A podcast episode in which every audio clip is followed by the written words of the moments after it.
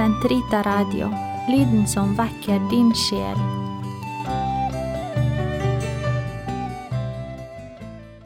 Biskop Johannes Ruth Da jeg kom hjem til Norge i 1957 og ble sogneprest i Trondheim, var det biskop Johannes Ruth som var vår overhyrde i Midt-Norge. I Tyskland hadde han tilhørt en gruppe prester, folkemisjonærer, som dro fra landsby til landsby og rusket opp det troende Guds folk med fengende prekener og intens sjelesorg. Den lille mannen med de fiolblå øynene ble svært populær i Trondheim stift. Han var en glimrende predikant og fikk stadig innbydelse til å holde foredrag i klubber og foreninger. Det skjedde litt av et økumenisk gjennombrudd da han under feiringen av 800-årsjubileet for opprettelsen av erkebispestolen i Nidaros ble innbudt av Den norske kirke til å ta del i feiringen i erkebispegården. Det var da han sa de forsonende ord som ble sitert i alle norske medier. Jeg sier som Abraham til Lot, kjære, la det ikke være trette mellom meg og deg. Tar du til venstre, skal jeg dra til høyre, og drar du til høyre, drar jeg til venstre. Han så det dessuten som sin oppgave å bygge kirker i Midt-Norge, kirker og prestegårder i Kristiansund og Molde som ble bombet under krigen, lå fortsatt i ruiner. De fikk han bygget opp igjen. Senere fortsatte han sin byggevirksomhet med å reise kirker, prestegårder og karitative hus for apostoliske søstre og medlemmer av et sekularinstitutt i Ålesund og Levanger. Han hadde også planer om å opprette en stasjon i Steinkjer. Flere ganger var han i byen og konfererte med fylkesmann Asbjørn Lindboe om tomt. Siste gang han hadde en avtale med fylkesmannen, kom han ikke av sted fra Trondheim i tide. Hans gamle Opel Olymp, som han hadde fått i gave av en tysk prest, streiket, noe den ofte hadde for vane.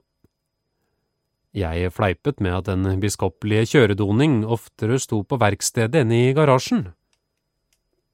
Til historien hører at biskop Ruth ikke var en sjåfør av Guds nåde. Han tok lappen først da han var 50 år. En gang kjørte han på trikken så blodet silte. På sin ville ferd gjennom Trondheims gater ville han for lengst vært død, hadde han ikke hatt Den hellige ånd som medpassasjer.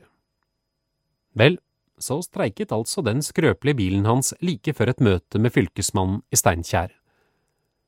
Da fikk jeg det først holdt for å være en genial idé. Jeg kunne jo kjøre ham på motorsykkelen min. For ikke å komme på kollisjonskurs med biskopens kjørevaner, hadde jeg tigget sammen 3000 kroner til en lekker Puck 175. Den var en kløpper til å suse forbi alle biler straks det ble stigning i landskapet. Jo, biskopen var villig til å sette seg på baksetet, neppe av lyst, heller fordi nøden var stor. Jeg trakk en motorsykkeldrakt nedover hodet på den lille mannen, satte så en hjelm på hans skalle. Så ga jeg ham mine instrukser. Når vi svinger til høyre, må vi begge lene oss over til den siden, og når vi svinger til venstre, må vi gjøre det motsatte. Jo, det forsto han. Vi kjørte ut Schirmers gate og svingte til venstre inn i Prinsens gate. Jeg lente meg til venstre. Denne manøveren gjorde biskopen vettskremt. Han kastet seg over til motsatt side, så vi havnet midt i gaten. Dette var direkte livsfarlig, og så resten av turen var svært ubehagelig. De av dere som har kjørt med en krampaktig stiv person på baksetet, vet hva jeg skriver om. Med våre to skytsenglers hjelp nådde vi allikevel, tross hasardiøs kjøring, frem til Steinkjer, tolv mil nord for Trondheim. Fylkesmann Lindeboe var en usedvanlig hyggelig mann. Han bød biskopen på en pjolter, han så vel at han var litt maroder etter den skremmende kjøreturen. I samtalens løp fylte vår vert biskopens glass to ganger til. På tur tilbake til Trondheim hadde jeg verdens behageligste passasjer. Lett avslappet lente han seg lydig til høyre og venstre, som om han aldri skulle ha gjort noe annet i hele sitt liv. Kjører vi 60 nå? ropte han bak meg. Ja, brølte jeg tilbake og presset maskinen opp i 90. Hvor fikk biskop Ruth pengene fra til sin byggevirksomhet? Om høsten forsvant han noen måneder fra sitt bispedømme. Ferden gikk sydover til hans hjemland. Her i Rindalen gikk han med tiggerstaven i hånd fra kirke til kirke, fra søndagsmesse til søndagsmesse og tigget penger. Det gjorde dypt inntrykk på kirkelyden når han avsluttet sin kollektpreken med å berette at han hver søndag i Trondheim leste messen og forkynte Guds ord i en lokomotivstall. Det var en sannhet med modifikasjoner. Sankt Olav kirke var opprinnelig en lokomotivhall i full drift da jernbanen gikk over Elgeseter bro. Da så skinnene ble lagt langs fjorden, ble lokomotivstallen kjøpt av oss og bygget om til en kirke. På sett og vis hadde biskopen sine ord i behold, intet øye var tørt og kollekten flagret inn. Den eh, siste kirken biskopen bygget, var hans nye Sankt Olav i Trondheim. Glasskirken er den blitt kalt. Vår overhyrde var på den tid blitt sterkt redusert, i from iver hadde han brent sitt lys fra begge kanter og var med 70 år en utslett mann. En begynnende demens angrep hans tilliggere så skarpe hjerne her ligger vel årsaken til at Glasskirken ble litt av en katastrofe. På den tid, i begynnelsen av 70-årene, spilte skuespiller Rolf Wesenlund Bør Børson på Trøndelag Teater. Om kvelden underholdt han gjestene på Grenaderen, en restaurant som ligger rett overfor vår kirke på den andre siden av Prinsens gate. Her falt ordene hans omtrent slik. Det skjer så mangt og meget her i livet, noen hundre meter herfra kneiser Nidarosdomen i all sin skjønnhet, den var katolsk i 500 år og tilhører nå Den norske kirke. På den andre siden av gaten er katolikkene i ferd med å bygge en svømmehall. På tross av stadig dårligere helse tapte biskop Ruth aldri sin biskoppelige verdighet. Når hans demens sinn ikke fikk tak i hva folk sa til ham, brukte han å svare du taler godt for din alder. 75 år gammel dro han tilbake til Tyskland og tilbrakte sine siste år i vårt studiehus i Holland. Her døde han noen år senere. En begravelse i et kloster er ingen gråtkvalt begivenhet. I mange år har den henfarne prest preket om himmelrikets gleder, Hvorfor skal så de gjenlevende hulke av sorg når de tror at deres ordensbror nå endelig har fått del i disse gledene? To eldre prester sto på kanten av graven til biskop Ruth, den ene dyttet den andre i siden og sa smilende, Den neste blir du. Den andre smilte tilbake, Å nei, det blir nok du, det. Så klukker de begge. Patrene gikk opp til klosterets rekreasjonsrom og nøt sine hollandske sigarer. På den tid var det ennå ikke farlig å røke.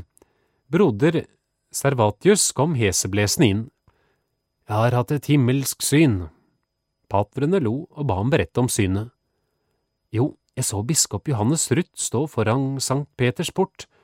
Gud Fader sto på den andre siden av porten og sa, du trofaste tjener Johannes, kom og ta i eie det riket som er gjort rede for deg fra verdens grunnvoll ble lagt. Da svarte biskop Ruth Gud Fader, du taler godt for din alder. Så langt broder Servatius.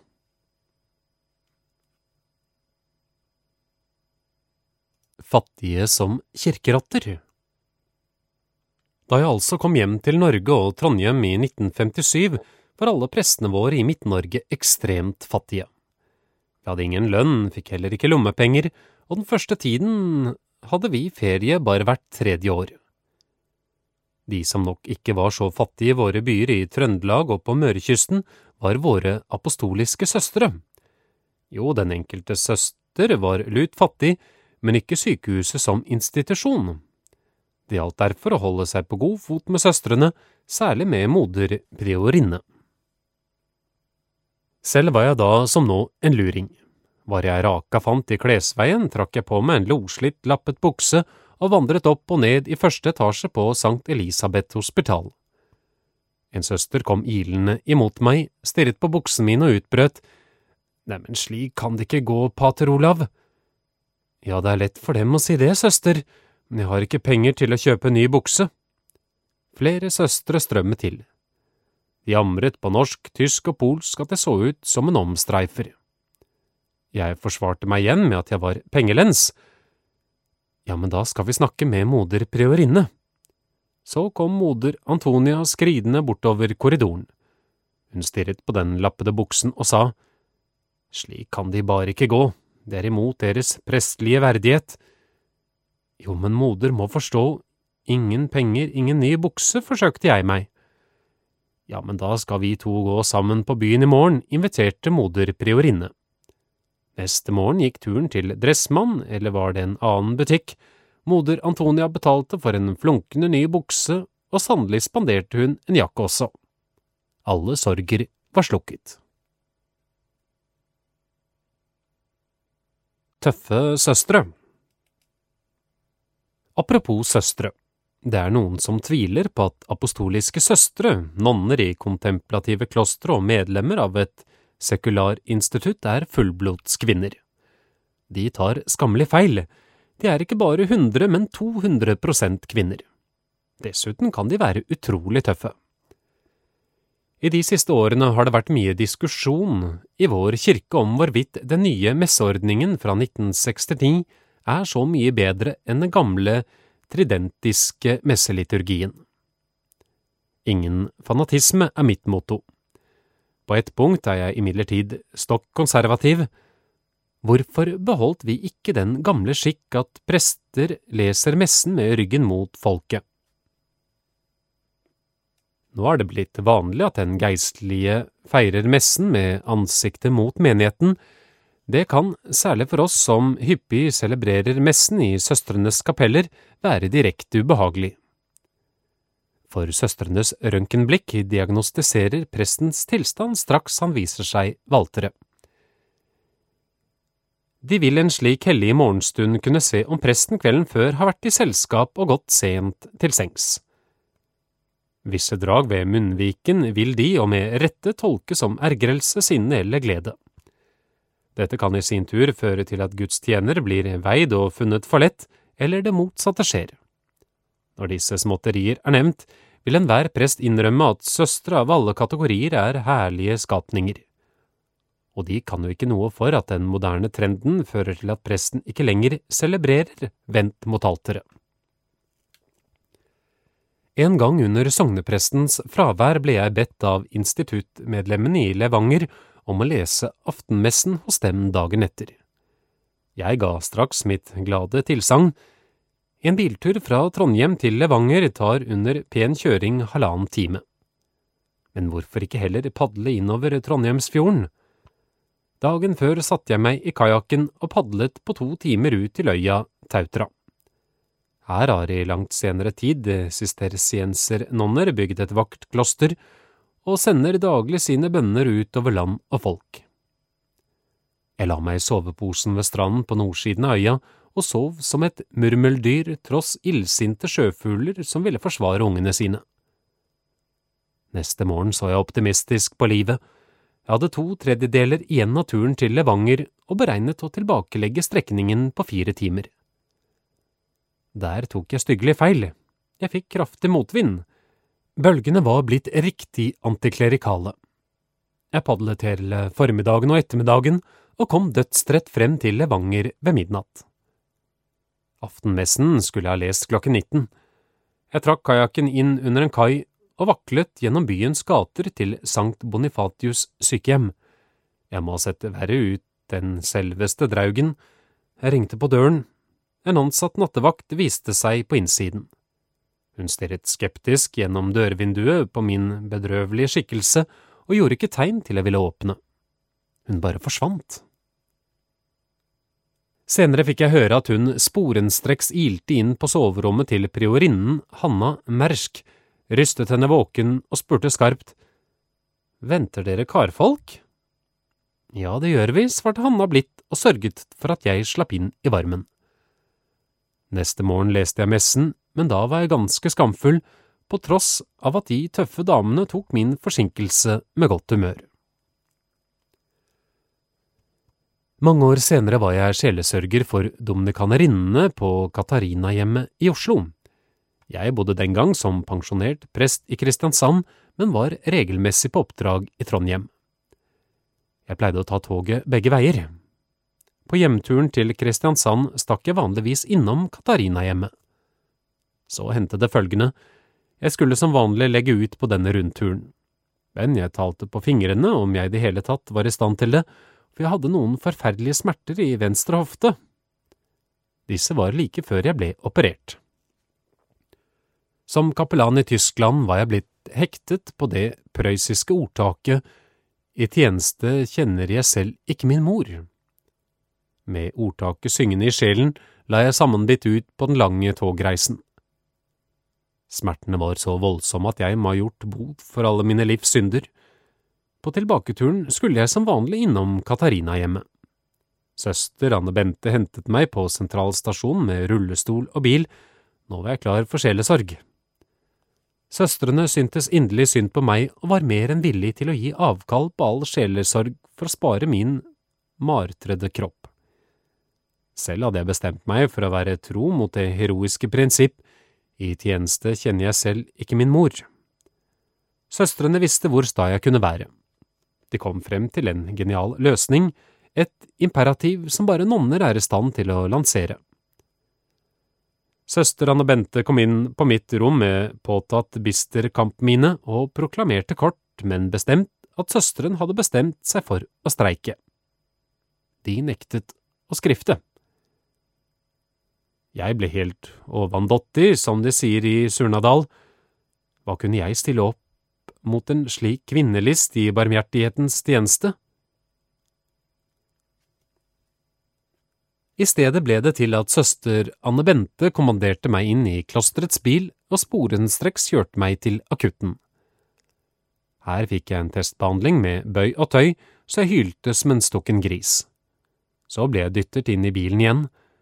Nå var den like tøffe og eiegode søster Ane Elisabeth som utenom og menn kjørte meg hjem til Kristiansand. Gud velsigne våre tøffe og fromme søstre. De har dessuten en gudgitt sans for humor. Følgende hendte en gang jeg delte bordets gleder med dominikanerinnene på Katarina-hjemmet. Samtalen under måltidet lå på et høyt plan, vi streifet inn på emner som teologi og etikk, ja, jeg tror Gud bedre meg at vi var innom mystikken også. Da måltidet lakket mot slutten, tok jeg ordet og sa, Kjære søstre, i dag har dere gitt meg så mye, kan ikke jeg nå til gjengjeld få gi dere noe? Å jo, pater, kvitret søstrene. Dermed trakk jeg en eske opp av lommen. General stod på det gylne lokket. Jeg løftet esken i ansiktshøyde og spurte, Kan jeg få by dere en pris, snus, søstre? De lo så veggene ristet. En annen gang fikk jeg låne et rom på Katarina-hjemmet for å foreta en eksorsisme.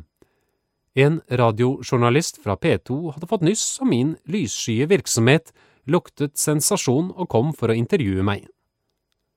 Noen timer senere gikk det ut over eteren at pater Olav Müller satt på Katarina-hjemmet og drev ut smådjevler. Også den tok søstrene med et godmodig smil. Slo han seg? Som sogneprest falt i min lodd å undervise mennesker som søkte seg til den katolske kirke. Å gi konvertittundervisning kan være en stor utfordring. Hvis flere melder seg, kan det være en dyd av nødvendighet å gi gruppeundervisning. Det kan ha den fordel at man i en travel hverdag sparer tid, har samtidig den ulempen at man ikke alltid når frem til alle fordi nivået hos elevene er så forskjellige. Jeg liker derfor bedre å gi individuell trosklargjøring. Da kan en professor fra NTNU få svar på spørsmål om Thomas Akinas, mens en vanlig elev får katekesen servert som lettere kost. Jo, det er viktig å møte eleven på hans eller hennes plan. Jeg husker undervisningen til en from og enkel sjel, hun døde for mange år siden.